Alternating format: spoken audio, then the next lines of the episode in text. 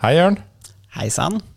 Velkommen hit i, eh, i Mesh Studio i Hennings verden. Takk for at du ville ha meg. Det, jeg har hørt på flere av eh, de podkastene du har laget tidligere, og alltid tenkt at dere har en veldig fin dialog, og du har også en god stemme å lytte til. Så. Oh yeah!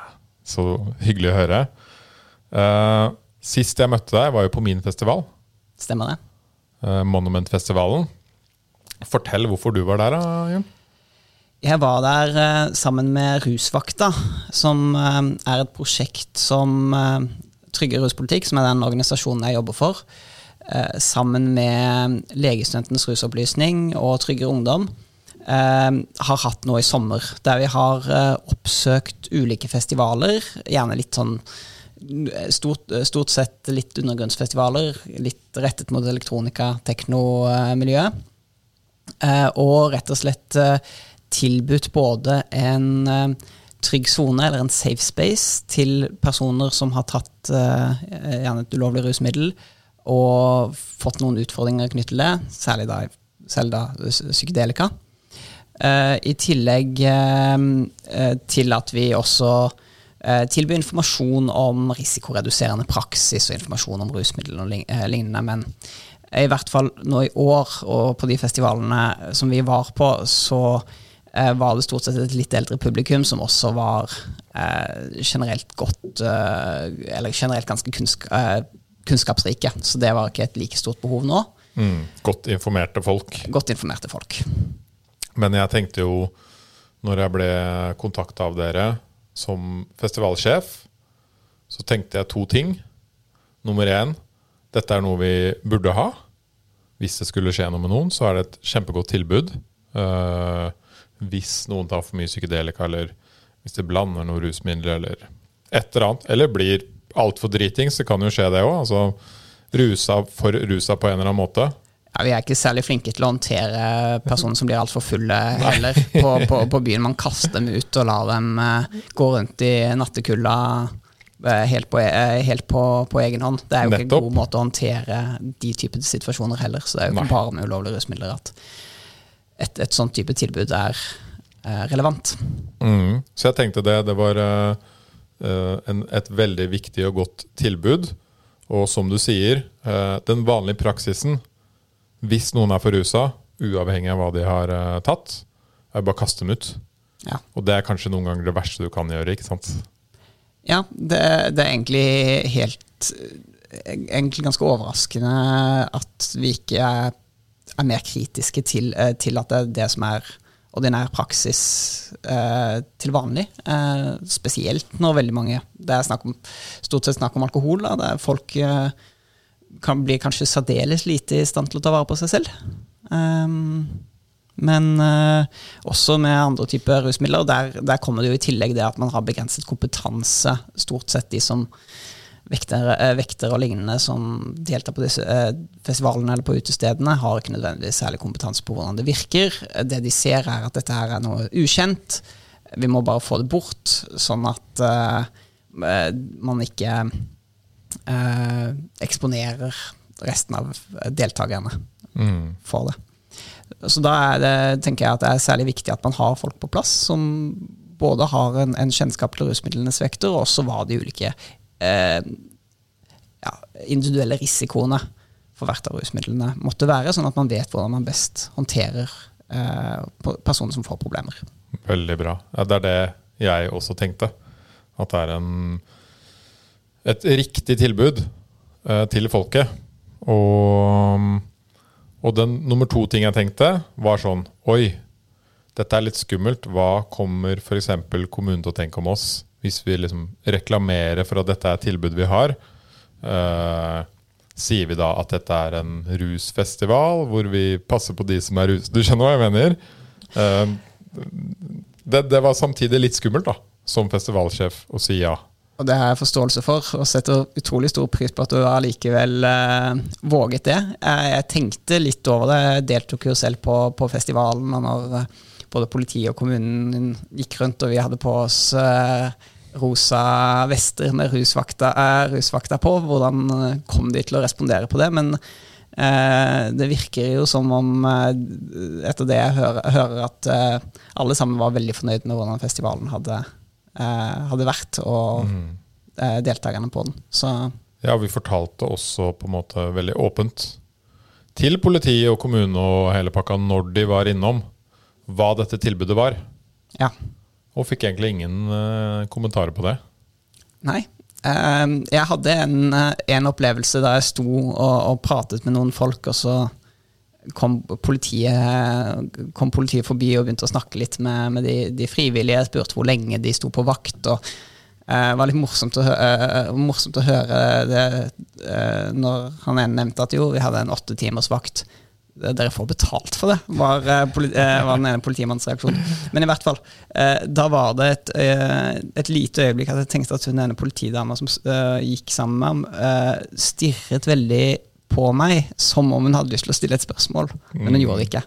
Eh, så eh, Og jeg, jeg tror nok kanskje Det er nok delvis ukjent fortsatt, og vil være ukjent en, en stund, men jeg tror litt etter litt så vil man se verdien i det å nettopp ha et sånt tilbud. Fordi eh, selv om man har veldig strenge regler på festivalen, og det var det jo på denne festivalen også, eh, knyttet til ulovlig rusmiddelbruk, så må man bare anerkjenne at det er personen som kommer til å bryte de reglene.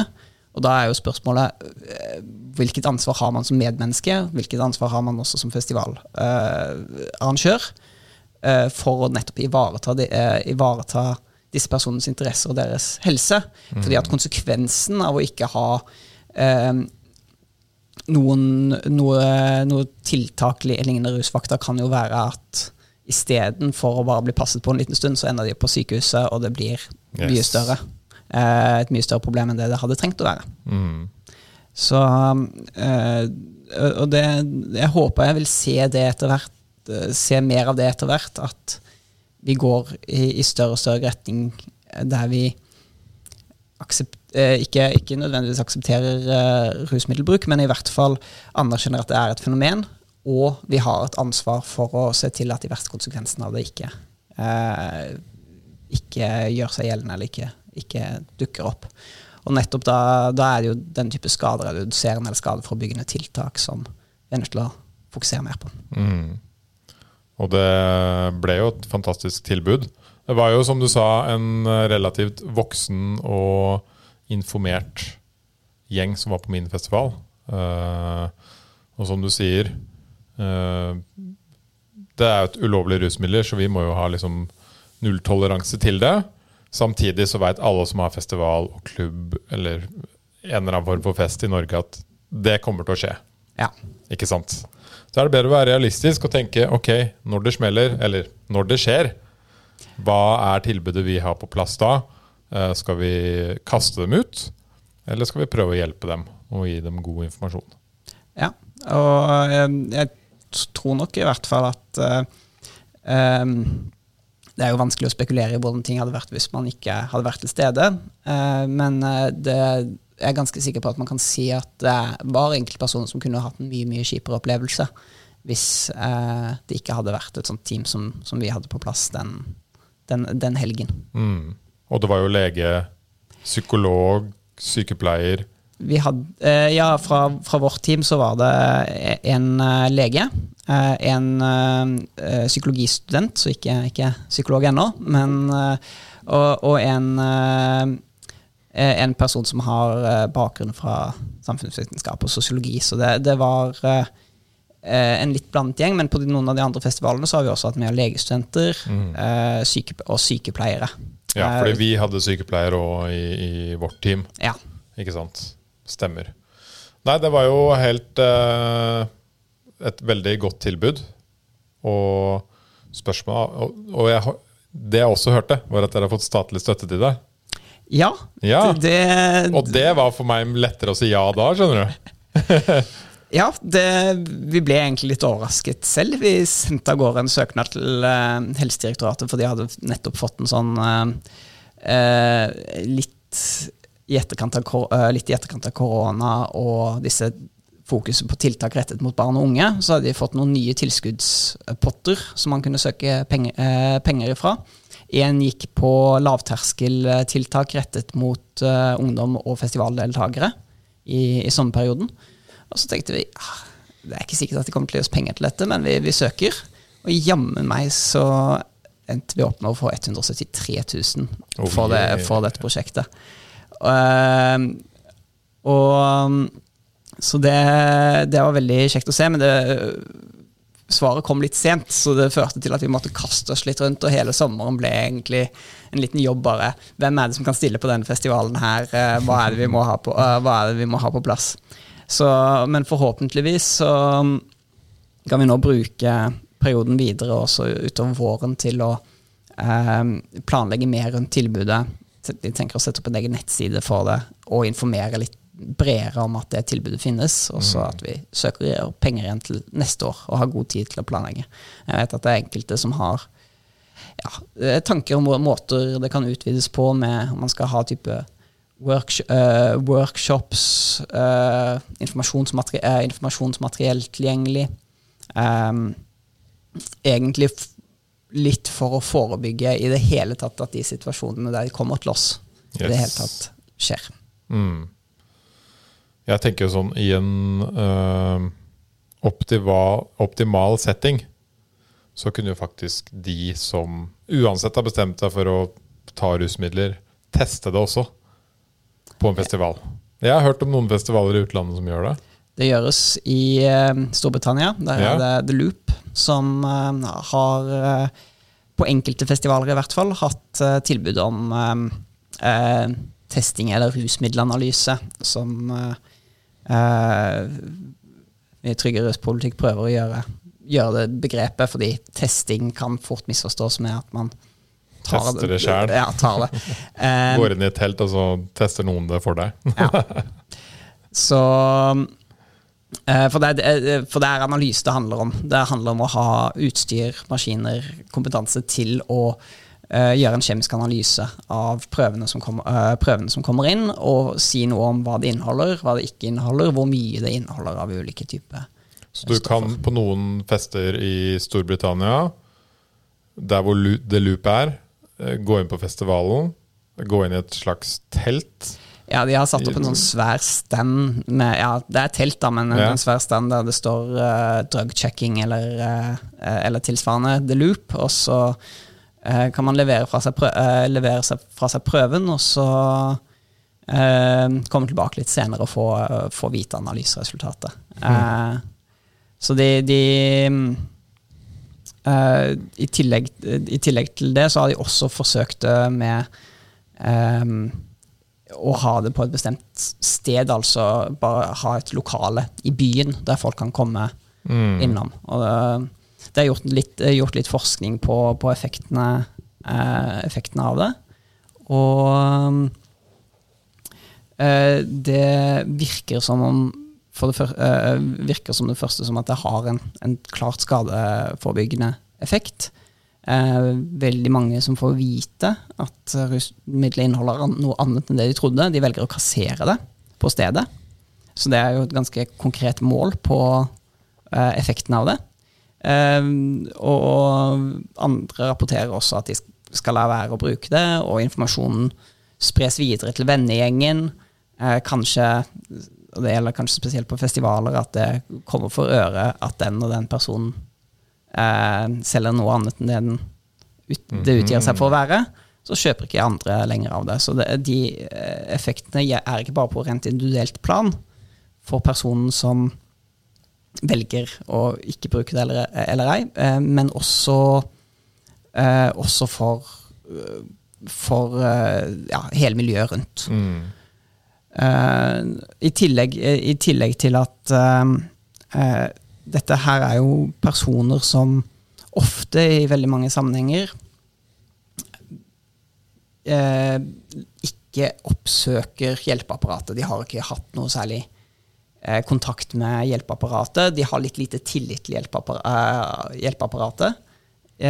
men når man har da et slikt tilbud som, som, er rent på brukerens premisser, det er noe brukerne ønsker. Åpenbart så ønsker ikke folk som tar et rusmiddel, å, å ha en negativ reaksjon eller få i seg noe helt annet enn det de trodde. Nei.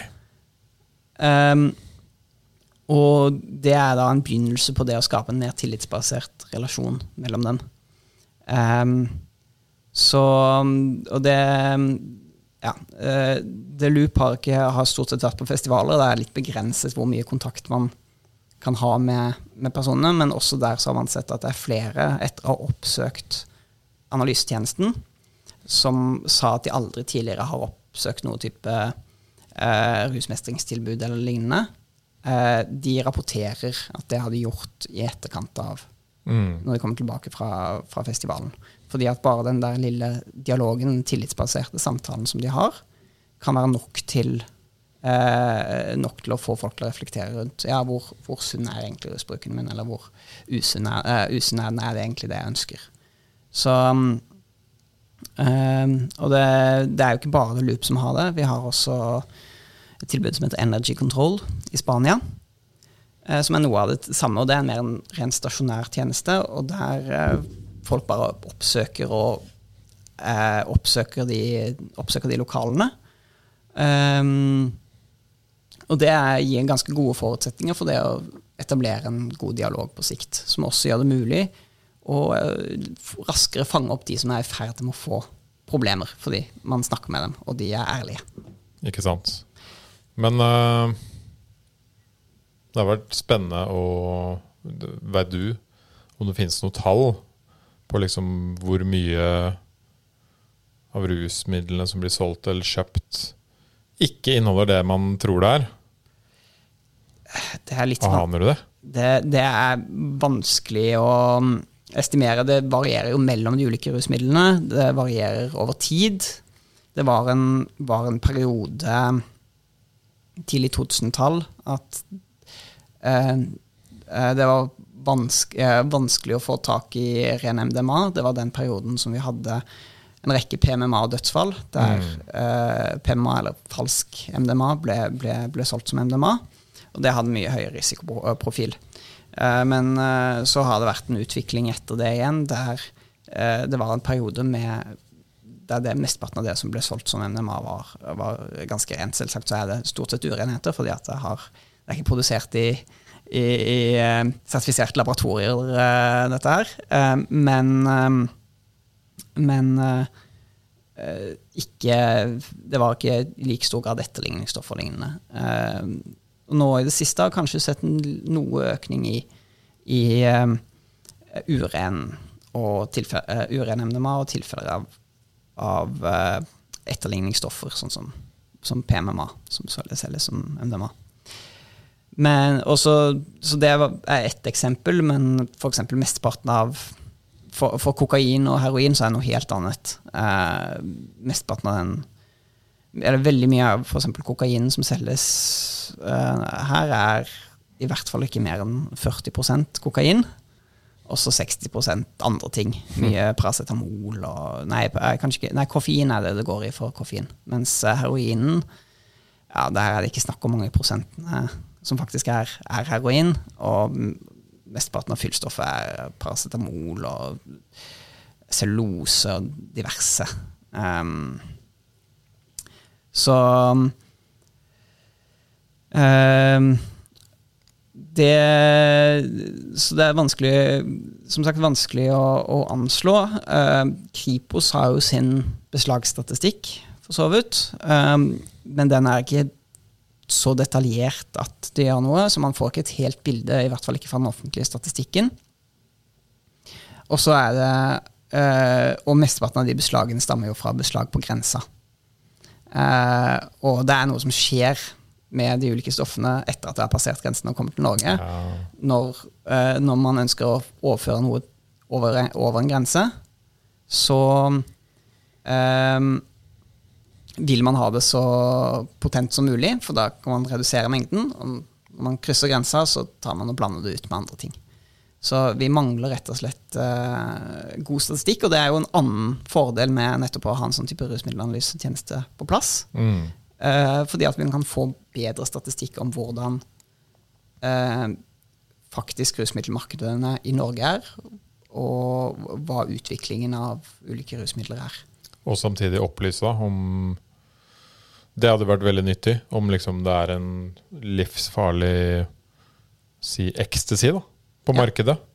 Å få den informasjonen ut kjapt er jo veldig nyttig. Og det var akkurat det, det som skjedde i, eh, i Nederland. Nederland har hatt en sånn type offentlig tjeneste, faktisk, eh, siden 90-tallet. Så jeg tror den er over 20 år gammel. Eh, nei, enda lenger. 30. Eh, det er 2021, da, stemmer det. Eh, og eh, det Det den eh,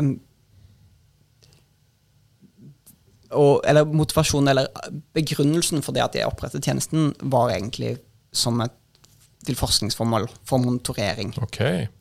Så det var, de ønsket å monitorere uh, markedene, og de uh, ha, brukte de dataene både for å utvikle folkehelsepolitikken sin, eller rusmiddelpolitikken sin, men også for nettopp å ha ganske store varslingskampanjer.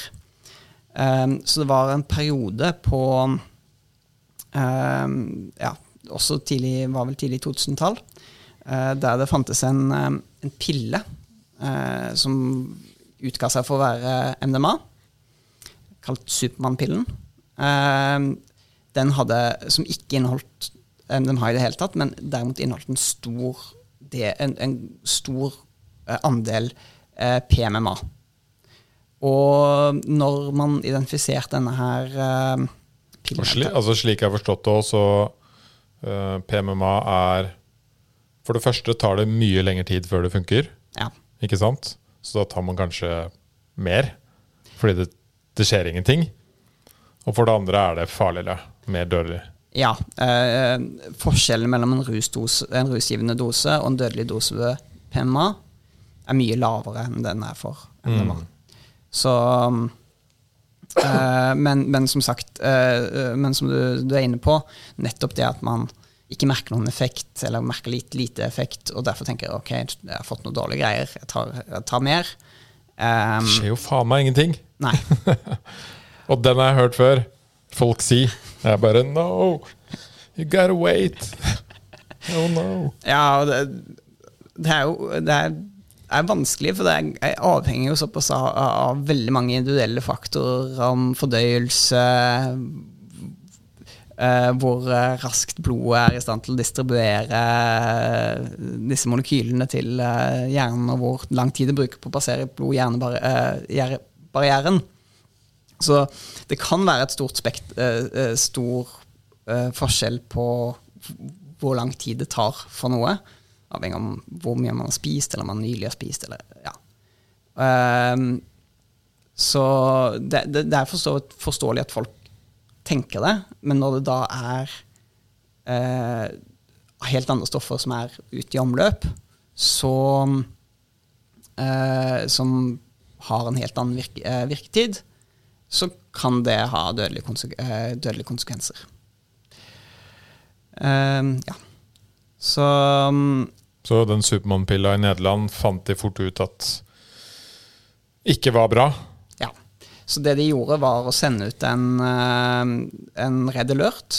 Eh, jeg tror det, det fikk nasjonal dekning, altså i nasjonale riksmedier, eh, med den. Og i Nederland så var det ikke et eneste dødsfall som følge av den Supermann-pillen. Det er jo vanskelig å si om det skyldes måten man hadde gått ut og varslet på. Men eh, til eh, hvis man sammenligner med f.eks.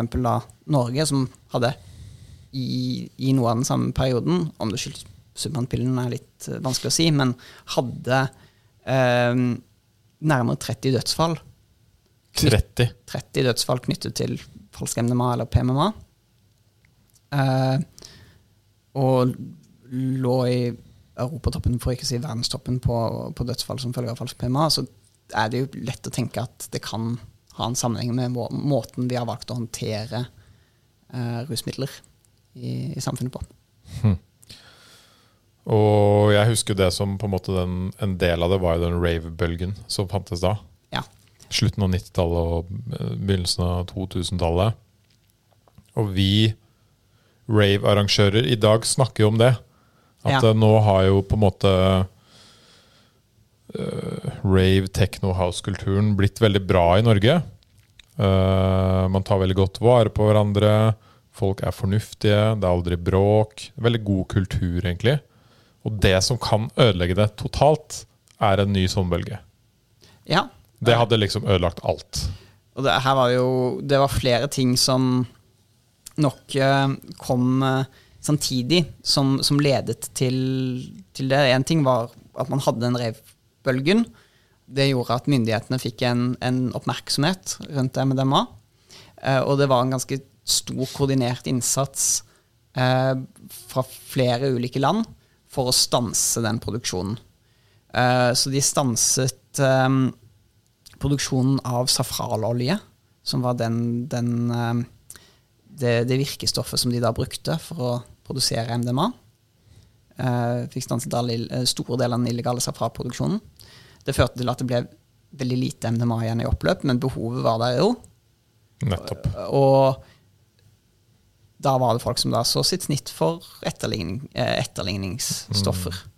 Uh, så det, um, det, var Når dette er da ja, Når uh, både mangelen på PMA kom i kombinasjon med hvor utbredt det hadde blitt i revkulturen på den tiden Og det er jo da en fare uh, Vil jo potensielt være en fare nå. Nå har etter mitt mitt inntrykk vært at mye av MDMA-en som har vært i omløp i Norge, vært ren i hvert fall en lengre periode. Men kanskje ting er i ferd med å snu.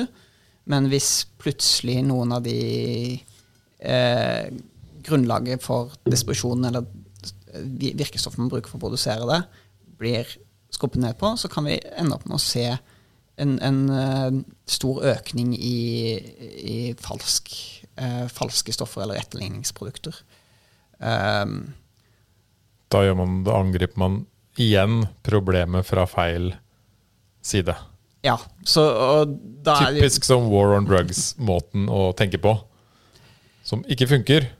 Folk finner alltid noen løsninger hvis de vil ha det gøy.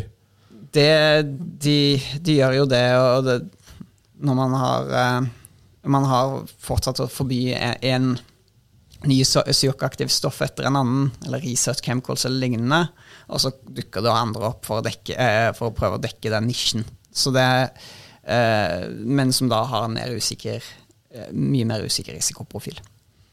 Og da tenker jeg at hvis man skal være litt føre var i, for en sånn type utvikling videre, så er det helt nødvendig at vi nettopp får på plass en type, en type rusmiddelanalysetjeneste. For da vil vi være i stand til å tidlig fange opp om det har skjedd en endring, Eh, om det er mye etterligningsstoffer i omløp, og varsle. Og det, det er noe tryggeruspolitikk har jobbet for i, i, flere år. Vi har hatt uh, møter på, uh, møte på, Stortinget, eller uh, i noen av disse ekstra lokalene, sidelokalene til Stortinget om rusmiddelanalyse. Prøvd å skape en oppmerksomhet blant politikere. Og har også tidligere søkt midler. Hvordan blir det tatt imot, da? Blant politikere og på Stortinget? Det har nok Eller i det sånn generelt godt tatt imot, uh, men det er ukjent. Det er ikke mange som vet mye om det. Veldig mange tenker det at eh, når man snakker om rusmiddelanalyse eller testing av rusmidler, så er det snakk om sånne rene hurtigtester som man nå kan få kjøpt. Uh, som gir bare en indikasjon på hvilket stoff et, en bestemt prøve inneholder. Sier veldig lite om hva slags andre stoffer den eventuelt inneholder, eller hvor mye av ulike stoffene den inneholder. Det er det, det de gjerne ser for seg. Um, og så er, eh, har man i hvert fall tidligere hatt en del, en del sånne ryggmargsreflekser. Uh, når noen foreslår det, det var vel for to år siden, leder i Unge Høyre foreslo rusmiddelanalyse på festival. Og da gikk eh, helsepolitisk talsperson i, i, Høyre ut og sa nei, dette her er dette kan føre til normalisering, det er ufarliggjøring gir falsk trygghet. Det er de argumentene som, som går igjen. Um, men jeg velger å tilskrive det mangel på kunnskap da. Yes. Uh, og det var også det Helsedirektoratet pekte på når vi søkte om midler for statens sånn type tjeneste, at kunnskapsgrunnlaget er for dårlig. Um, men uh, så vi Eller av den grunn så gikk Tryggere ruspolitikk inn for å skrive en rapport, som jeg ble førsteforfatter på. Overtok, som, overtok arbeidet fra en som het Anna Høyfødt, som la veldig mye av, av bakgrunns, eh, bakgrunnsgrunnlaget for den, eller bakgrunnsinformasjonen for den rapporten, som heter 'Tryggere med kunnskap'. Eh, der vi har sett på alle disse ulike rusmiddelanalysetjenestene som finnes i ulike land, gjennomgått forskningen som finnes, og gjort en litt vurderinger og avveininger rundt hvordan vi ser for oss at en eh, tilsvarende tjeneste i Norge kan organiseres. Eh, det er nå ett år siden vi fikk den eh, rapporten ut. Vi fikk den distribuert, og vi har snakket om det i flere sammenhenger. Men ja, det har jo vært rusreformdebatt og andre ting som har stått litt i, i førersetet. Eh, så Men det kan jo være med å påvirke dette her veldig mye. ja, Ja, det, det, det, Positiv, I positiv retning, tenker jeg. det eh, Grunnlaget både for rusreformen og for dette her er jo det samme. Mm, Det er, yes. er at vi skal tenke uh, Istedenfor å tenke nulltoleranse, så skal vi tenke Vi an anerkjenner at dette her er en del av vårt samfunn. Hvordan håndterer vi det på best mulig måte? Yes. Med mål om å forebygge skade. Så ja. Eh, så vi begynner kanskje begynner å se litt, eh, se litt eh, tendenser til at eh, det blir en litt større politisk inter eh, interesse for det. Noen, har hatt noen møter med møte, offentlige møter med sentralpolitikere eh, der de har uttrykt at dette her er noe de, noe de støtter. Eh, Men eh, vi er litt utålmodige. Eh, Så for å prøve å pushe den debatten litt raskere, og også for å gjøre et, et forsøk, så har vi bestemt at vi ønsker å starte opp en tilsvarende analysetjeneste i Norge. eh, Eller i, i, i Oslo. Og mm, for det så må vi skaffe oss utstyret, som ligger på Kostnaden til det utstyret er rundt 350 000. Eh, og vi ser nå om vi er i stand til å crowdfunde eh, Kult. eh, innkjøp av det analyseutstyret. Yes. Så vi har nå en, en spleis gående for det. Eh, Hvis man vil støtte det her, hvor er det man, man går inn på spleis.no, og så rusmiddelanalyse. Så okay. det er spleis.no slash rusmiddelanalyse. Hvor langt har dere kommet da? Eh, når jeg så i dag, så hadde vi fått inn 174 000, mener jeg husker. Uh, men det er, bare ti, det er snart bare ti dager igjen av spleisen, okay. så det er litt igjen å gå, uh, igjen å gå på. Um, men uh, ja, vi håper at folk som, um, som mener at dette er et viktig tiltak, vil, vil bidra til å støtte det. Og så kan vi sikre lokalene og personellet og alt annet som trengs for å få det på plass. Og forhåpentligvis både skyve debatten i en, en retning, men også faktisk gjøre en pilotering i Norge som kan bli et inspirasjon for en utvidelse og videreutvikling senere. Um, for jeg tenker at eh, på et eller annet tidspunkt så er det det offentlige som må opp på banen. Enten ved at det offentlige tilbyr det selv, eller at det offentlige gir midler Ja. til organisasjoner som, som ønsker å, å Som tilbyr å, lage, å ha en sånn tjeneste. Uh, og um, jeg var jo litt inne på dette her med eh, hvordan, eh, hvordan eh, man gjennom en sånn tjeneste kan komme i kontakt med personer som kanskje har min, lite kontakt med det offentlige systemet ellers. Eh, og det eh, Det er, er også en illustrasjon på det at vi ikke nødvendigvis trenger å ha politiet til å jage rundt etter folk for å avdekke rusmiddelbruk. Eh, hvis du bare møter folk med en viss åpenhet, ikke møter med trusler eller sanksjoner, um, og tilbyr noe folk vil ha, så kommer de til deg selv og snakker åpent og fritt om det. Og jeg tenker at det er et mye bedre grunnlag for det å skulle drive forebyggende arbeid enn eh, en det å sende politiet til å jakte etter folk som ikke vil bli oppdaget. Mm.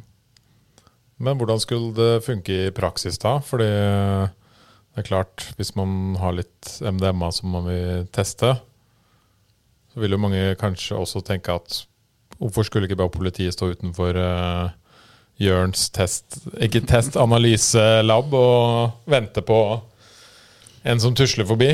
Tusler inn døra? Ja, eh, en, ting, eh, eh, en ting er at eh, jeg tror neppe at politiet kommer til å prioritere det Mm. uh, i særlig grad. Men, uh, i, uh, men vi har også tenkt en del på hvordan vi kan redusere risikoen og også interessen fra, politi, fra politiet. For en ting er at det er veldig små mengder som trengs Yes. å foreta en sånn analyse. Så Og, og vi, vi kommer til å gi beskjed om alle, til alle som skal bruke den analysetjenesten, at man ikke trenger mer enn 5-10 eh, milligram. Eh, og ja, om politiet skal virkelig bruke masse ressurser på å gå rundt etter folk som har, har 5-10 milligram eh, MDMA på seg, det ja, da, da, det, da kan i hvert fall de kritiseres for uh, uhensiktsmessig ressursbruk. Og for det andre så vil man jo plassere eh, Eller vil lokalene være sånn at det er andre typer aktiviteter som foregår på det samme stedet. Eh, så eh, det at noen oppsøker disse lokalene, vil ikke oppleves mistenkelig i seg selv. Um, jeg spøker litt, med- spøk, spøk litt med det at vi må sørge for å um, sørge for å invitere noen stortings, uh, stortingspolitikere sånn innimellom uh, til de loka, eh, lokalene. Så hvis politiet plutselig skulle finne på å gjøre en, eh, gjøre en aksjon, så ender de opp med å ransake eller visitere stortingspolitikere. Jeg tror ikke det vil Det blir litt samme som om politiet skulle gått inn på sånn sprøyterom. da. Ja, det blir, eh, blir Det gjør det liksom ikke. De har eh, forstått det nå, i hvert fall, at eh, det ikke er noe eh, ja, noe vits i det å, å, å stå utenfor der, og at det vil ikke eh, aksepteres. Og en tredje, ting, en, en tredje ting vi har tenkt, er at eh, man kan uh, istedenfor å ha sånn type drop-in med faste åpningstider og lignende, så kan man avtale på forhånd tid, sted, og så kan man variere litt på tidspunktene eh, når man tilbyr den, eh, tilbyr den tjenesten. Eh, sånn at eh, det eh, ikke, eh, sånn at det ikke er åpenbart at det jo mellom ti og, to, eh, mellom ti og fire torsdag og fredag så er det analysetjeneste Mm. som foregår. Så vi, vi, vi og som, som det er tydelig, er, vi, vi erkjenner at eh, vi erkjenner at det er en viss risiko. Jeg vil si at sannsynligheten er veldig lav, men først og fremst eh, så er det tryggheten, eller den følelsen av sikkerhet for de som skal oppsøke tjenestene, som er viktig. Eh, så, så vi kommer til å gå ganske langt i nettopp å ta forhånd, uh, forholdsregler for, det at det skal, for at det skal opp, oppleves så trygt som, uh, og lite risikabelt som mulig. For det, det er absolutt uh, Det går litt på det samme, går litt på det samme at, som jeg var inne på tidligere, at når folk føler at folk, noen er ute etter å ta dem, så er det litt vanskelig å komme i kontakt. Yes. Det var det jeg tenkte òg. Jeg tror at det kan ha en veldig positiv effekt med en sånn analysetjeneste. Dere må ha et sånn, ikke sant, litt sånn Dr. Drop-In, bare et annet kult navn. Ja. Uh, venter spent på å høre vi, vi, vi, vi har jo Vi kjører, um, kjører jo disse tryggere i ulike, ulike sammenhenger. Så vi organisasjonen Tryggere ruspolitikk. Eh, eh, rapporten 'Tryggere med kunnskap' er sørget for å få registrert et forlag også som heter bare 'Tryggere kunnskap'. Eh, og eh, så 'Tryggere analyse'. Selv om det ikke er det mest. Ja. Jeg skal tenke på det. Ja. Men, eh, men det jeg skulle si, det vil jo ha en sånn veldig positiv eh, La oss kalle det sirkel, da, hvor folk kjøper noe. En person kjøper noe rusmiddel, kommer til dere og tester. Finner ut at shit, det der var ikke det jeg har betalt for. Går sannsynligvis tilbake til eh, selgeren og sier hei, hva er det her for noe dritt? Jeg vil ikke ha det Jeg vil ha tilbake pengene mine. Og jo flere som gjør det, jo vanskeligere blir det for selgeren. Og selgeren får dårlig rykte. Og så sier selgeren til sin leverandør det, dette her er jo noe dritt. Alle klager jo. Ja. Og så går det i en sirkel og forhåpentligvis gjør at man unngår sånne ting som vi snakket om i stad. 30 PMMA-dødsfall. Det der må jo ikke skje igjen. Nei. Uh, og uh, jeg tenker, uh, tenker at det er nettopp disse ringvirkningene som kanskje vil være de mest, mest utslagsgivende. Og det kan man forsterke hvis man også får på plass litt monitorering og uh, at for på, på, sikt så ser man jo for seg at sånne tjenester kan levere data f.eks. til Folkehelseinstituttet uh, for å undersøke utviklingen av, av, rusmiddelmarkedet i landet. Og at man også får det, får det offentlige med på lag på det å uh, gå ut og advare uh, hvis det er Red alert. Red alert. Mm. Ja, det, her, det hadde vært utrolig Ikke sant, Det nærmeste du finner uh, holdt jeg på å si, denne tjenesten og Red Alert i dag, er jo Freakforum. Hvor folk altså, ja. Og sånne nettsider fra Nederland og sånn, hvor liksom Hei, er denne, er denne pilla her med bilde av en Tesla, er denne trygg? Ja. Og det veit de jo ikke om er den samme engang, som i Nederland eller på Freakforum eller et eller annet. Men folk har jo behov for det. Det er jo derfor de prøver å finne ut i dag. Og dele liksom Hei, dette her er noe jeg fikk tak i i Oslo. Er den trygg? Ja. Så det, det, er jo sånn, I dag er det sånn undergrunnstjenester som er, som er det folket har, da, hvis de vil prøve å finne ut noe. Ja, og de opplysningene man får der, er jo er av begrenset uh, verdi. Uh, når det gjelder da hvordan en pille ser, uh, pille ser ut, så vet man jo at hvis det er en Eh, en tablett som har blitt populær eh, og er kjent som, som eh, et godt produkt, så vil det være andre som kopierer, prøver å ja, kopiere kjennetegnene ved den samme tabletten. Så, så det, å, det, å, utelukkende se på hvordan tabletten ser ut, og spesielt hva, hva, slags type stempel det har, det har lite for seg. Når de, de gjennomfører sånne analyser, uh, visuelle inspeksjoner av tabletter i Nederland fortsatt. Uh, men uh, da har de mye mer data. De veier nøyaktig, den nøyaktige vekten på tabletten, dimensjonene på tabletten, i tillegg til de synlige merkene og, og, og tilsvarende. Fargen og de har en ganske stor database som de kan ta utgangspunkt i. Det å bare høre på en eh, random fyr på internett som har eh, tatt en tablett som Ligner. Eh, lignet litt, eh, det er ikke en god måte å Nei, og poenget mitt her var at eh, det at det finnes så mange sånne nettsider og liksom Freak-forum og andre forum i Norge, også norske, hvor folk prøver å ja. finne ut, det betyr jo at folk er interessert i å liksom Er dette her good shit? Kan jeg ta det? Er det noe helt Det betyr også at jeg er litt uh, redde for det, at det kan være noe annet. ikke sant? Og at en sånn tjeneste uh, vil være bra. Folk har behov for det. Det, det så vi også um, når vi gjennomførte uh, i forbindelse med rapporten. så forsøkte vi å kartlegge litt enkelt hva interessen for det var. Og vi så også litt på betalingsvillighet. Uh, og da mener jeg å huske at uh, størstedelen var uh, villige til å betale mellom 200 og 400 kroner for en, an en analyse. Som er jo en måte å kvantifisere det, den interessen som faktisk finnes mm. der ute. Vi, vi ønsker, jo, ønsker, jo, at en sånn tjeneste skal være gratis, og det er det vi kommer til å Det tror jeg den burde være, ja. for å være helt ærlig. For det er jo veldig forskjellig hva folk har av økonomiske midler. Ja.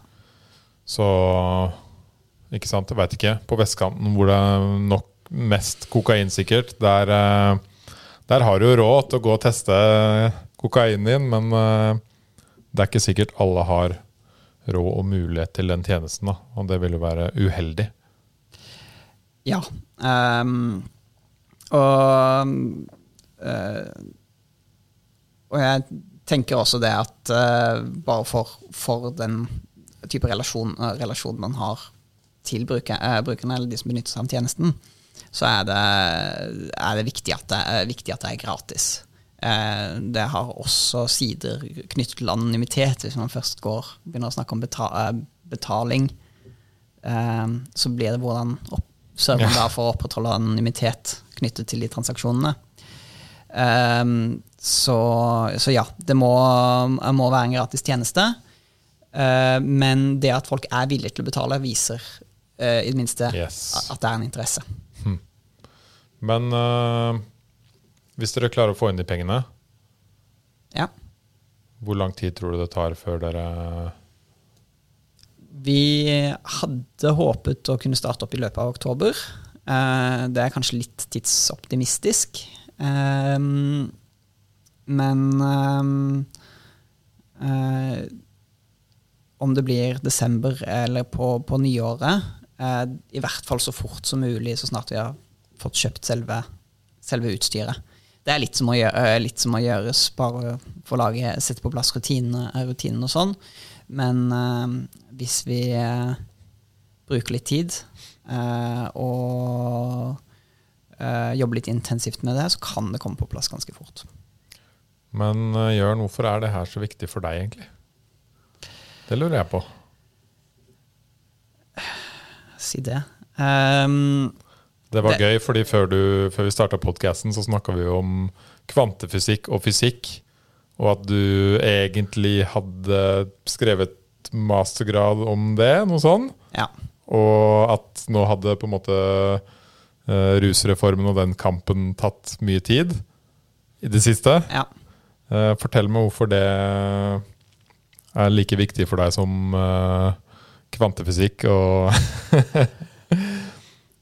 Det er så, det er ikke så lett å si, men det, det man vel Det som det vel er litt tilfelle her, er at jeg er en person som har en viss tendens til å få oppheng på ting. Så når jeg, når jeg først fatter en interesse eller et, får et engasjement for en, en eller annen sak, um, så blir jeg veldig investert i den saken. Uh, og når det gjelder ruspolitikk og tilnærminger til rusmiddelbruk i det hele tatt, uh, så er nok utgangspunktet for det engasjementet at jeg ganske tidlig i 20-årene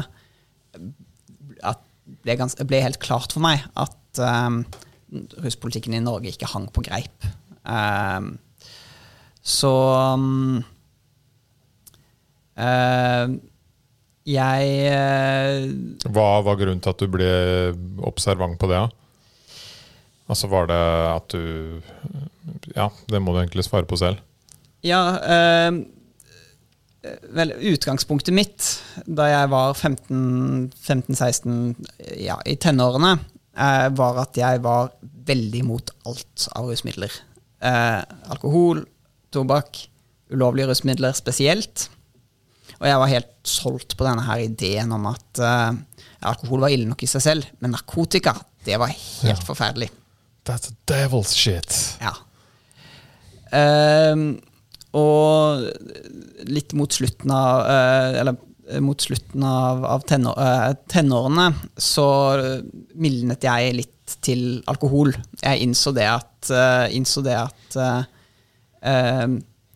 den rusvirkningen som alkohol gir, ikke bare negativ. Det er en grunn til at folk oppsøker det, selv om det er mye kjipt knyttet til alkohol også.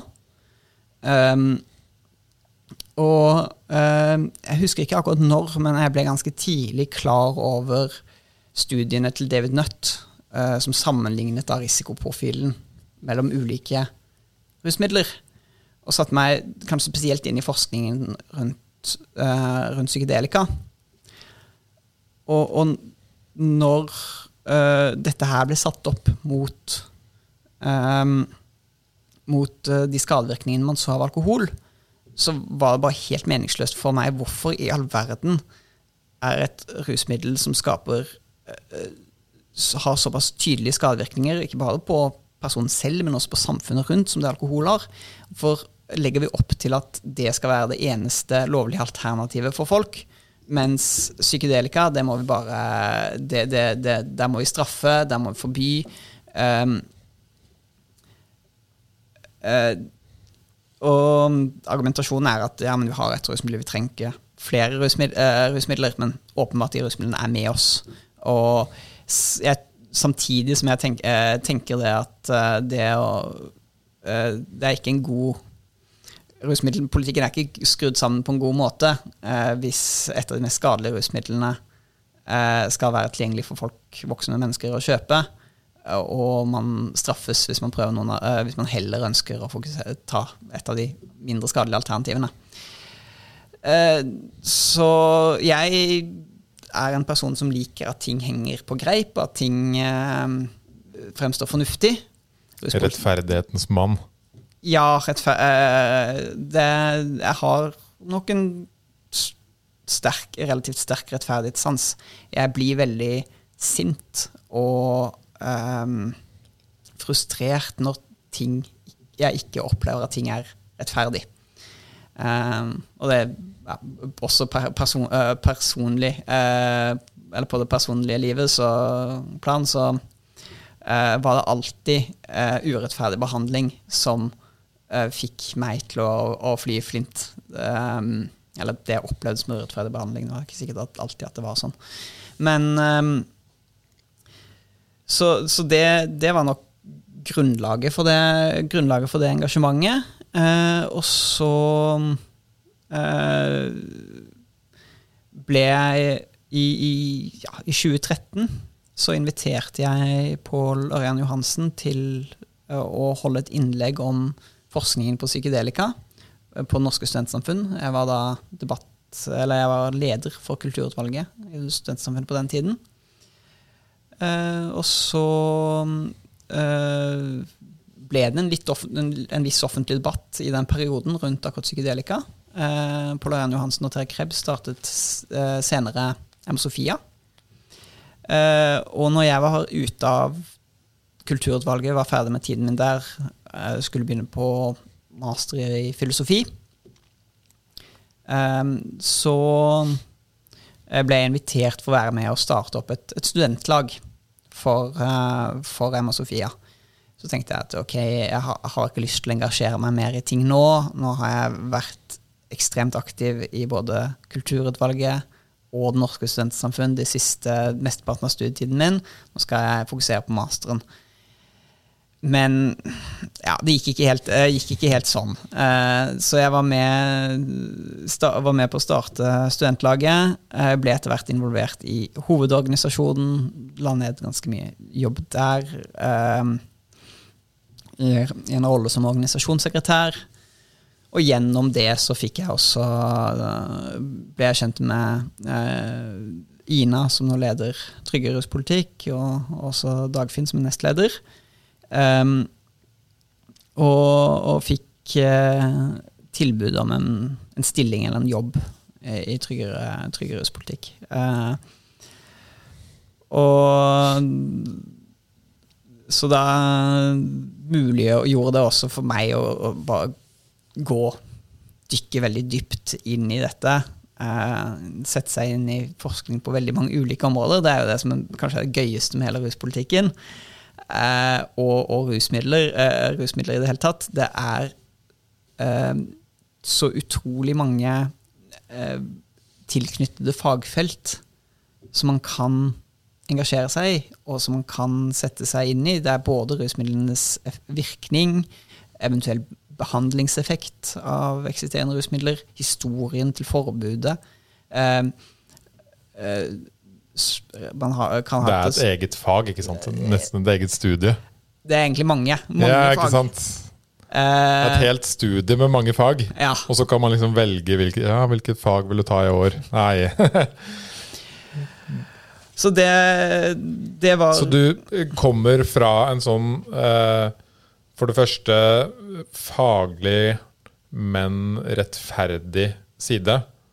Og ser på forskning og, og prøver å finne ut hvordan Hvordan kan du gjøre det mer rettferdig for mennesker? Hvordan kan man liksom få, eh, sånn som i dag eh, starta en rusmiddeltjeneste, eller rusmiddelanalysetjeneste, eh, og hjelpe de som allerede eh, f.eks. skal ta noen rusmidler.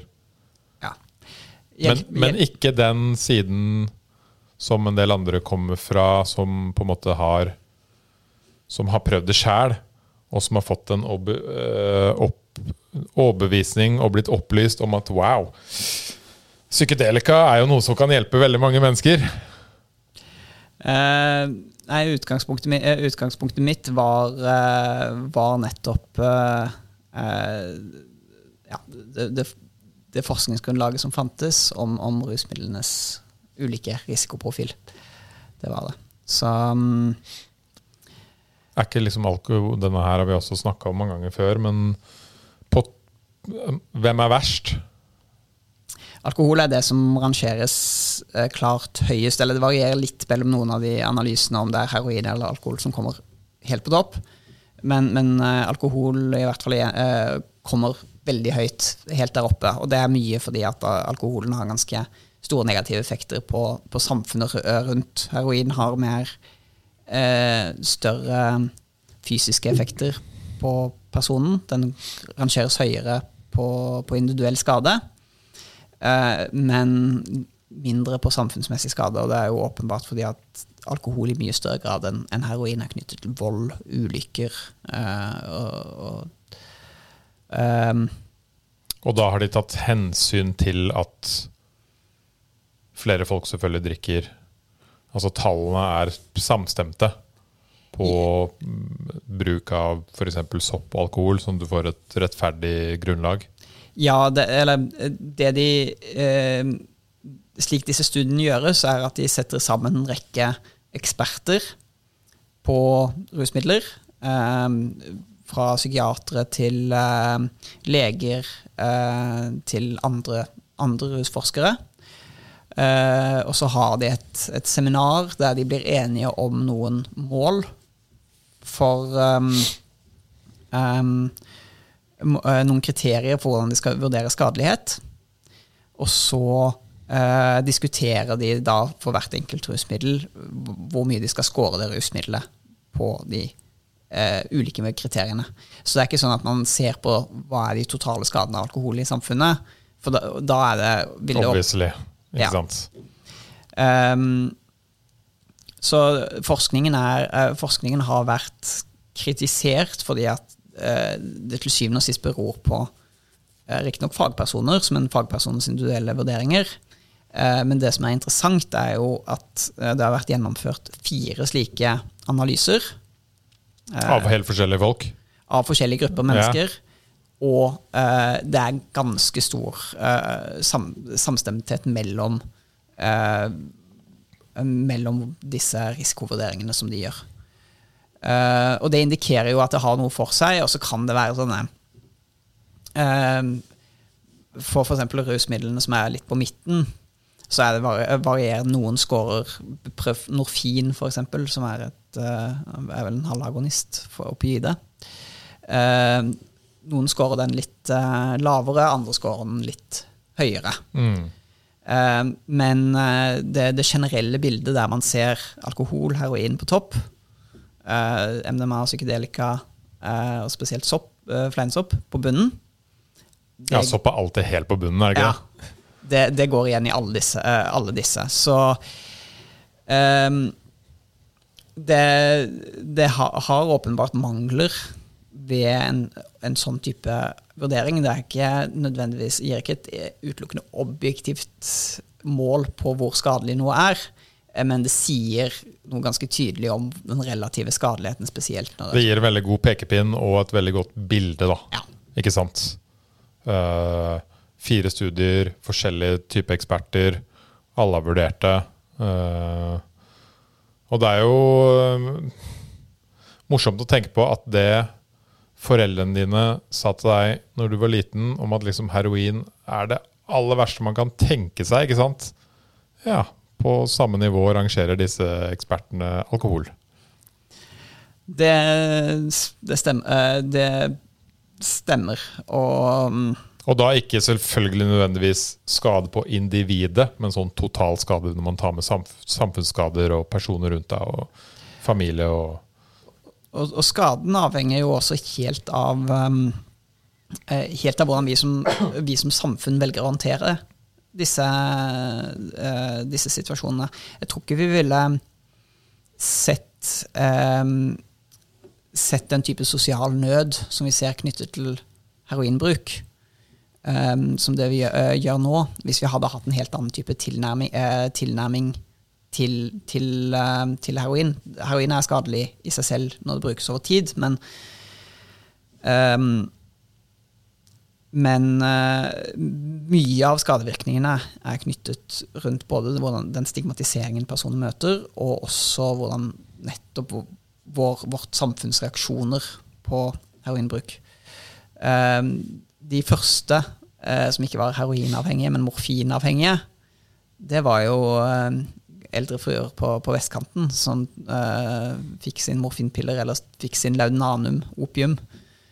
Um, og klart de var avhengige, på samme måte som jeg er avhengig av snus.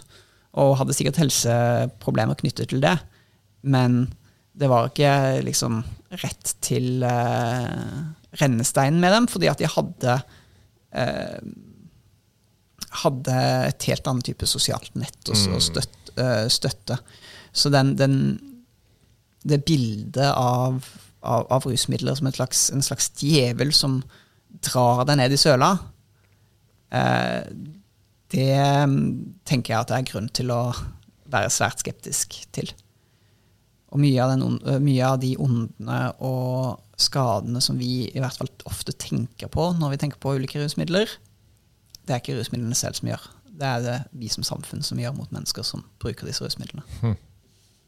Det er en veldig interessant vinkling. Og man har jo hørt det eksempelet før med Vietnamkrigen. Hvor mange som begynte med heroin. Og hvor mange av de som slutta hvis de kom hjem til et hjem med familie og liksom et godt liv. Ja. Og hvor mange som sleit med å slutte hvis de kom hjem og var ensomme og var alene. Det, um, det, henger veldig tett sammen, og det er jo det samme eksempelet med de rottene. Ja. Rat, uh, rat Park. Uh, ja. Rat Paradise. Det, her er det jo da uh, Der så sammenligner man jo hvor mange som har en besatt Besatt inntak av Det var kokain i tilfelle med, med, med Rett Park. Mm. Um, og det var egentlig helt åpenbart uh, åpenbart at uh, rotter som var helt isolert i et bur med ikke noe annet enn å gjøre enn å presse på den knappen eller spise mat, de presset på den knappen. Ja.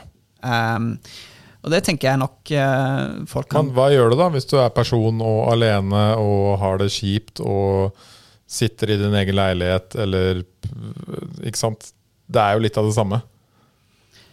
Det, det er det. Samtidig så skal vi ikke uh, se helt uh, det, det, finnes absolutt tilfeller av personer som har helt, helt gode forutsetninger, som også får store problemer med rusmiddelbruk. Men um, um, ofte, ofte for de, de, som sliter aller mest, så er det en, en historikk og, og, traumer som ligger til grunn, og uten et, et, godt, et eksisterende godt støttenettverk. Um, uh, der og da så får de også uh, så, så, er det lite motiv... Uh, så blir også de synlige tegnene på denne sosiale nøden veldig, veldig tydelige. Mm. Men det at sopp er på bunn ja. Det er alle enige om. Det er alle enige om. Det er minst skadelig av alt. Det Sopp har Kun positivt. Nei, ikke Jo, altså Kun positivt, Jørn. eh, det, det finnes, finnes, risikoer knyttet til all psykedelika, psykedelikabruk. Og f.eks. hvis man har eh, eh, personer med schizofreni i familien yes. og lignende. Så bør eller hvis du går på noe antidepressiva eller da kan det vel også være litt uheldig? Ja, eller eh, effekten av antidepressiva på, på sopp og på for så vidt også LSD er primært bare å dempe effektene av det. Um, uh, I hvert fall med vanlige antidepressiva, dvs. Si SSRI-er og SNRI-er. Uh, hvis du har med, med MAO-hemmere, så kan du få en mer langvarig effekt, som også kan, kan være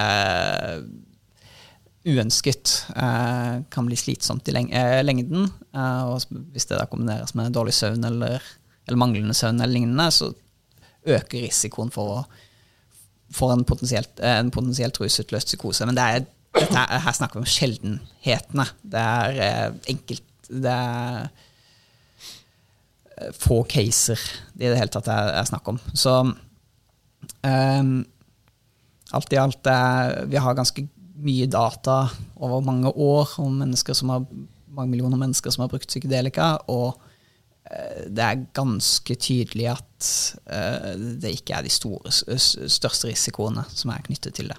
Så, uh, og med så på den andre siden, healing, det liksom eh, Egenskapene det har for å kunne hjelpe folk, begynner jo å vise seg også å være veldig store. Ja. ja. Man har nå hentet frem interessen for psykedelika igjen. det var jo en stor interesse i forskningsmiljøet på, på 60 50- og 60-tallet, som døde ut under The War on Drugs, men som nå har fått sin renessanse. Og eh, man ser det at psilocybin, som er det aktive, aktive komponenten i fleinsopp, eh, har vist veldig lovende resultater for behandling av depresjon, men også enkeltstudier som viser for angst. Eh, eh og man undersøker også mulighetene for eh, effekt, eh, effekt, på andre typer tvangslidelser, så OCD og eh, alkoholisme og også nikotinavhengighet er ting, ting, der man har sett antydninger til at det kan ha en behandlingseffekt.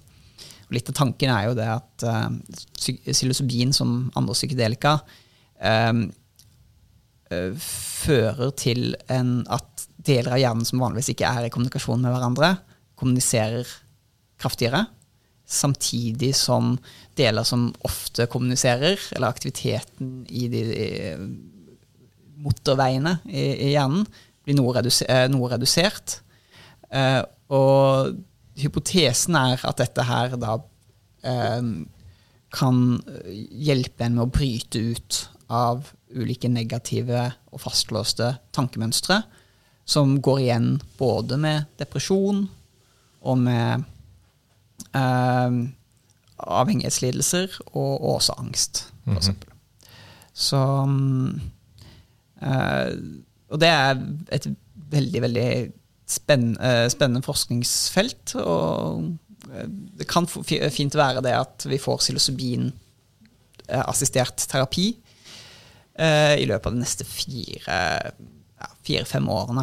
Kan det være en realitet. Så um, Men um, det er noe Men en ting er jo det at det er medikaliseres og noe, også, noe, av det mer uheldige med det, som vi ser nå, er at det også kapitaliseres på det. Yes. Mushroom startups. Ja, psilocybin-startups. Yes. Og de kan ikke patentere psilocybin, så de tar og lager varianter av psilocybin eh, som de kan pa ta patent på.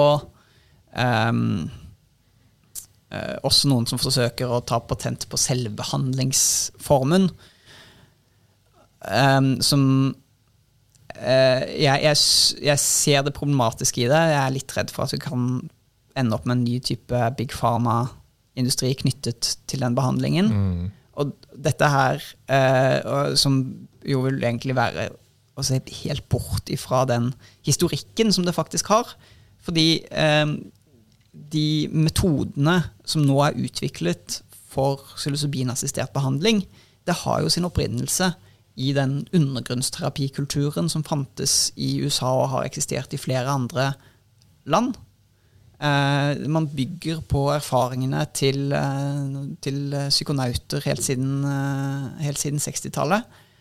Eh, men nå kommer storkapitalen inn, ønsker å ta patent på, eh, patent på det. Og faren er jo da at man ender opp med å begrense tilbudet for personer som kanskje har et stort behov på det. Og akkurat når det gjelder spesielt En ting er psilocybin, LSD, disse syntetiske, uh, syntetiske produktene der man uh, Men, men for f.eks. fleinsopp, da, som vokser fritt i norsk natur uh, Hvis vi skal ende opp med å være i en situasjon der man kan få psilocybinassistert terapi um, som å betale noen tusen, flere tusen kroner per gang for å, for å, for å delta på det. Men eh, hvis man går ut i skogen og plukker soppen som inneholder akkurat de samme virkestoffene, pluss noen, pluss noen ekstra, men der hovedvirkestoffet er det samme, at man fortsatt eh, skal, skal straffes for det, det øh, tenker jeg er en ganske Ja, det er en situasjon som jeg ikke ønsker. Det henger ikke på greip, det ikke sant? Det henger ikke på greip. Nei. Så eh, Og det er litt eh, i, I tillegg til å jobbe i, i tryggere ruspolitikk eh, Det er vel egentlig sånn ketamin er nå? eh, Akkurat det eksempelet ditt. Ketamin er lovlig i bruk, til bruk i behandling, Ja. men det er jo ikke lovlig ellers. Nei. Nei. Det er eh, riktignok Ketamin er ikke på narkotikalista. Så det straffes etter eh, legemiddel, eh, legemiddelloven. Det er et A-preparat som er preparater for narkotiske, eh, narkotiske stoffer. Men mens det har ikke det er ikke like strengt regulert som det er ting som står på narkotikalista, i motsetning til som fleinsopp da, Mm. gjør. Um, så um, og, eh, og, og forskjellen er jo også det at du, du kan ikke gå og plukke ketamin i naturen. Det er litt vanskelig. Vokser ikke på trær. Nei. Så eh, Ja, som jeg skulle uh, tenkte, eh, tenkte å si, er at um, i tillegg til det å jobbe i, i trygge ruspolitikk, så er jeg også eh, organisasjon, eh, nei, ikke organisasjonssekretær, men eh, styreleder i en organisasjon som heter Synapse, som egentlig er en videreføring av, av Emma Sofia, med nytt navn. Ok, det visste jeg ikke. Uh, nei, det er en historikk. uh, eller det uh, ble opprettet uh, Polarian opprettet Emma Sofia klinikk. Um, og som, som var, sin, var, sin egen greie, eh, var sin egen greie, samtidig som den organisasjonen for, som fortsatt heter Emma Sofia eksisterte. Og vi opplevde at det var en god del forvirring knyttet til de to. Eh, at det var folk som hadde en oppfatning om at Emma Sofia drev klinik, eh, klinikken, altså medlemsorganisasjonen Emma Sofia drev klinikken. Um, så for å unngå de den forvirringen, eh, så bestemte vi for oss for ett år siden å, å bytte navn til Synapse. Um, som eh, Ja, sammenheng med Det er synapse med P. Uh, så det, du har syke uh, på den ene siden, og så har du uh, naptin på den andre, som er å binde sammen. Så det er å binde sammen sin Oho. synapse. oh Eh, yeah. Eh, Der har du hatt en liten kreativ kveld. eh, det var en eh, idé Det var en idé som faktisk kom til meg i dusjen. Ja, ikke sant? Ja, en typisk dusjidé. Mm. Kult. Hva er målet til Synapsa? Vi, vi jobber for å sikre um, anerkjennelse av personer som bruker psykedelika og MDMA til rekreasjonelle, spirituelle eller terapeutiske formål. Så det, Yes. det er den, formule, eh, den, den formuleringen vi har landet på. Um, for um, vi tenker at én ting er uh, hele ideen bak rusreformen hjelpe, ikke straffe lignende, men eh, i det så mangler dette elementet, anerkjennelseselementet. Det å akseptere det at det er mennesker som bruker psykedelika eller MDMA, som føler at de får noe som gjør det fordi at de føler noe, at de får noe positivt og konstruktivt ut av det. Nå er vi inne på det her, fordi øh, det er jo det man ikke snakker om når man snakker om rusreformen. ikke sant? Nei. Da er det bare fokus på å hjelpe de som lider, og på en måte istedenfor å straffe de som har det fælt, så hjelper man de. Men det er veldig mange andre som ikke lider, og som ikke nødvendigvis trenger hjelp, men som gjør dette for personlig utvikling, for liksom å få en Åndelig opplevelse. åndelig opplevelse, for å bli en, en bedre person, for å ha et bedre forhold, for å bli mer empatisk, Ja. for å få mer kobling med med hva ego er. ikke sant? Hele den pakka der som ikke nødvendigvis er øh, noe man blir øh, Noe avhengighetsskapende eller noe som man trenger hjelp med. Nei. Det, det, og det, det, det er noe som per i dag ikke passer inn i det narrativet som vi har om, om rusmidler. Ehm, man kan kanskje akseptere det at, for med alkohol at det, det kan være effektivt i sosiale sammenhenger lignende, men så snart, eh, snart, det, så snart det er snakk om andre typer rusmidler, um, så er det med en gang eh, at det er enten en form for selvmedisinering, at det er en form for at det er en avhengighet, eller at det er en virkelighetsflukt.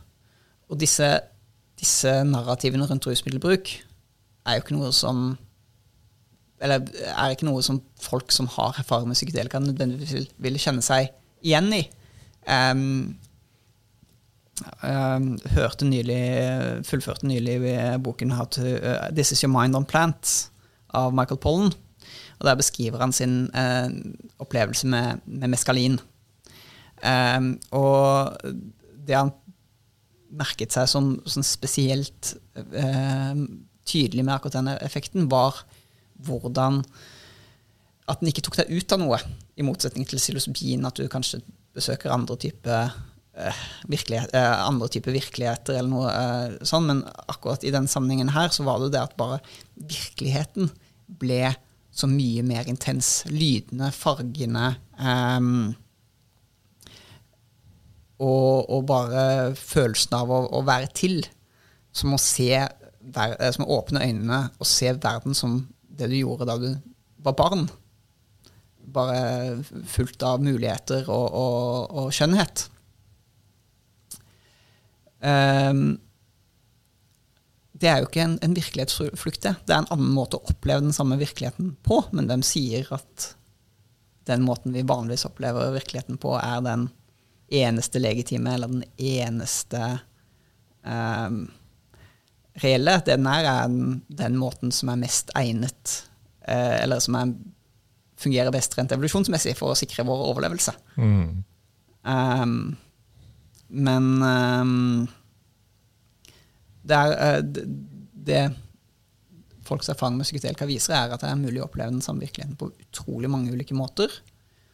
Eh, og jeg uh, syns ikke vi har noe grunnlag for å si at noen igjen den måten vi vanligvis opplever den på, er noe mer objektiv eller mer reell enn disse andre. Nei. Og det Min personlige erfaring med det her er jo at uh, du går gjennom livet og blir jo veldig mye påvirka av de rundt deg, av samfunnet, av nyheter. Og det liksom former deg litt på en måte inn i en viss sti, eller en viss måte å være på og tenke på. Og det er ikke så lett alltid å på en måte gå litt ut av den stien og se hva er det du holder på med, hvordan er det du tenker nå, og hvordan er det du oppfatter det rundt deg, og hva, i hvilket uh, i hvilket, uh, i hvilken måte er det du tenker på i hverdagen, om verden, om de rundt deg, ikke sant? Hele den pakka der. Uh, den stien er det mange som klarer å gå ut, gå ut av ved å liksom f.eks. gå en tur i naturen, eller meditere, eller gjøre noe Wim Hof, eller gå på ti dagers silent retreat, eller ta psykedelika. Ja. Ja.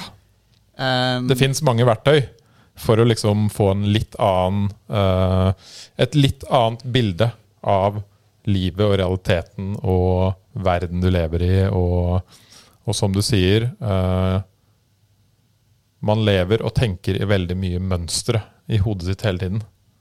Ja, det eh,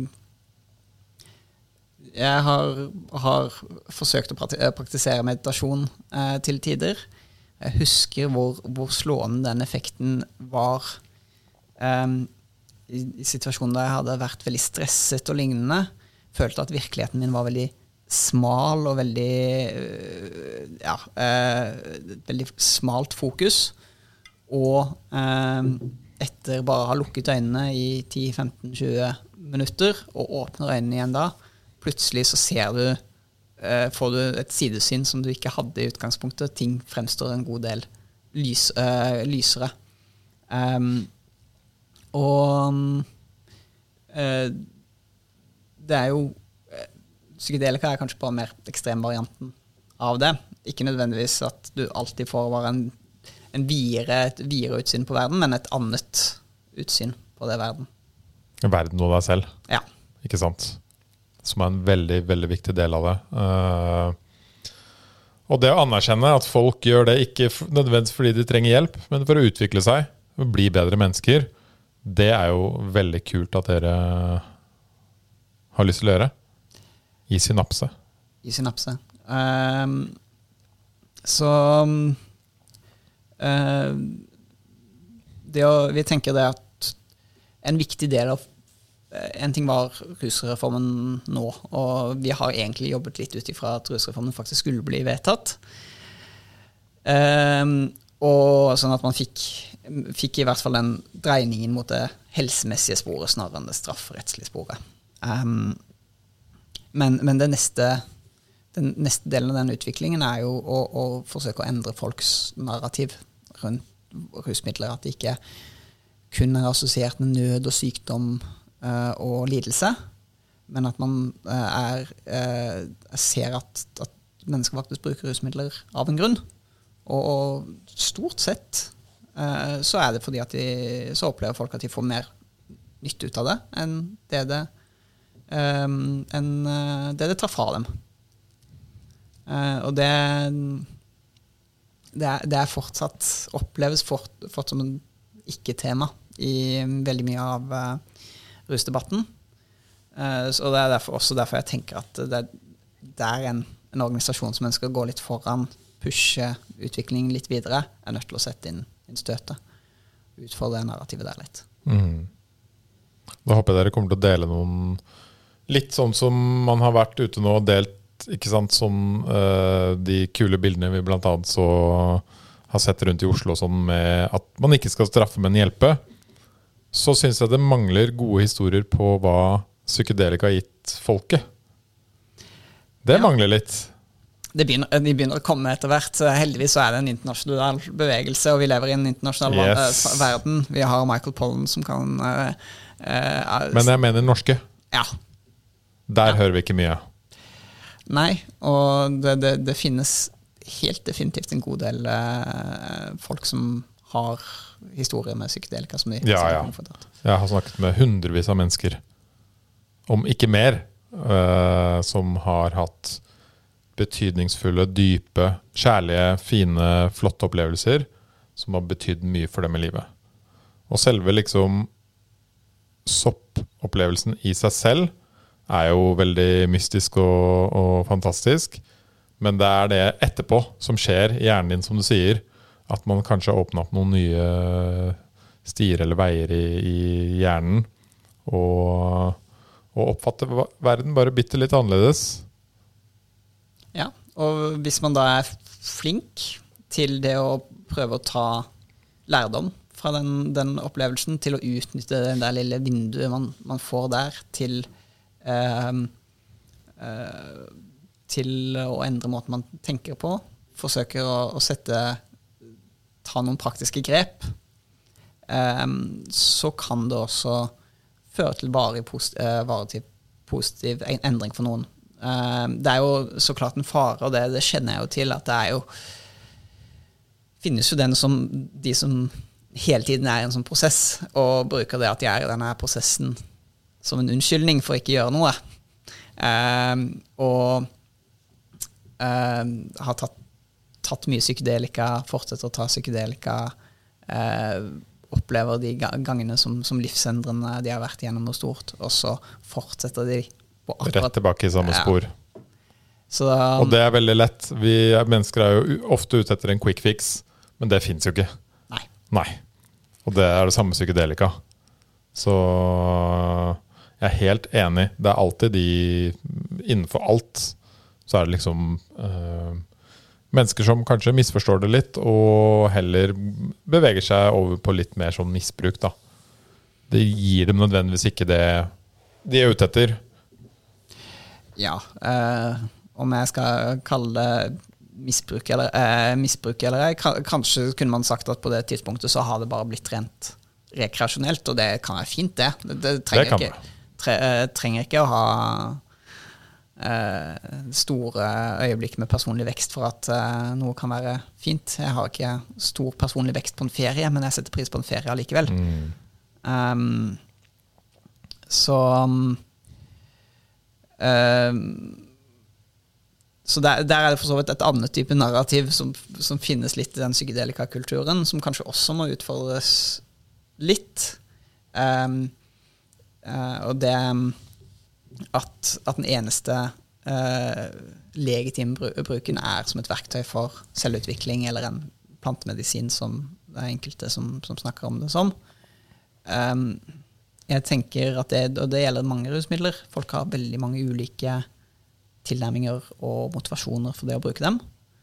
Um, og vi må kunne akseptere uh, at folk har disse motiva eh, motivasjonene. Ikke nødvendigvis si at én motivasjon er dårligere enn en Mm. annen. Um, men med, med psykedelika så er jo den, en, ekstra ting det at det er en god del folk som, som har uh, klart å oppleve at det har gitt mer velvære, mer glede, at de får mer ut av livet eh, et, etter å ha hatt de erfaringene. Ja, jeg har sett og opplevd mange som har fått en sånn fin forandring i livet. Sånn liten liten uh, sopp som kom inn fra sidelinja og fortalte dem at uh, hvis du bare gjør dette her litt annerledes, så tror jeg du kommer til å ha det litt bedre i hverdagen din. Og det, det ser, eh, har man også sett når man nå i noen av de studiene, studiene som har blitt gjort på det, med, med sil, eh, psilocybin. Det var en Jeg husker ikke hvor mange år, år, år- år den ble, siden det var den ble publisert, men den tidligste som handlet om mystiske opplevelser på, på psilocybin. Um, der oppga jo eh, svært høy andel at dette her hadde vært en av fem, en av de fem mest meningsfulle opplevelsene de hadde hatt i livet. Og at hadde, de rapporterte at det hadde positiv effekt for dem, men ikke bare det. Også familier, venner, folk nær, rundt kunne si at jo, dette her har uh, ført til endringer hos personen. Og det, det tenker jeg er noe mer objektivt bål enn det man selv hevder. For vi er jo ganske flinke til å lure oss selv, vi mennesker. Tenk å si den setningen, da. Det, det sier litt om the power of the shrooms. Når man sier Når man, folk i veldig forskjellige aldre på en måte sier litt det samme, at dette er en av de mest meningsfylte øyeblikkene i livet mitt, eller opplevelsene. Det er ganske drøy setning å si. Da har det skjedd noe. Da, det har definitivt skjedd. Ja. Ja.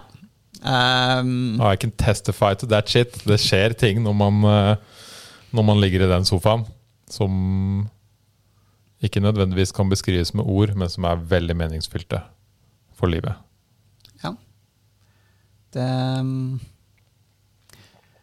Det Og jeg, jeg tenker med, med alle Folk beskriver jo Folk beskriver jo sånne epiphanies i andre sammenhenger også. At uh, være seg en ulykke som, har, ulykke som har ført til en eller annen slags oppvåkning som har gjort at de har tatt grep i, i livet sitt. Dette her er betydelig uh, tryggere uh, og mindre skadelig enn det å havne i en eller annen ulykke. Det kan man si. Nei, men veldig bra, Jørn. Eh, det viktigste folk som har hørt på den podkasten her, må gjøre nå, hvis de har lyst, og hvis de ønsker en gang kanskje å få testa rusmiddelet sitt, eller kjenner noen som burde teste det, så må de gå inn på spleis.no Slash rusmiddelanalyse. slash rusmiddelanalyse. Og gi en liten slant. Ti dager igjen. Eh, eh, eller eh, mulighet Og jeg må jo få ut den podkasten her òg, så si at det er sånn syv dager igjen. da. syv dager igjen. Eh, 30. september her. Eh, Ok. Mm. Veldig bra. Og så blir det spennende å høre hvordan det går med synapse. Og neste gang du er på besøk her, så snakker vi sikkert om noe helt annet. Fysikk eller eh, kvantefysikk eller eh, Ja, en helt annen eh, spennende verden. Det hadde vært veldig gøy. Eh, selv om eh, jeg syns eh, ruspolitikk og rusmiddel, eh, rusmiddelforskning er veldig gøy, eh, så blir det, kan det nok i livet mitt bli litt mye rus i monitor. Den er god, Jørn. Tusen takk for besøket her, og lykke til videre med arbeidet ditt. Takk for at du ville ha meg.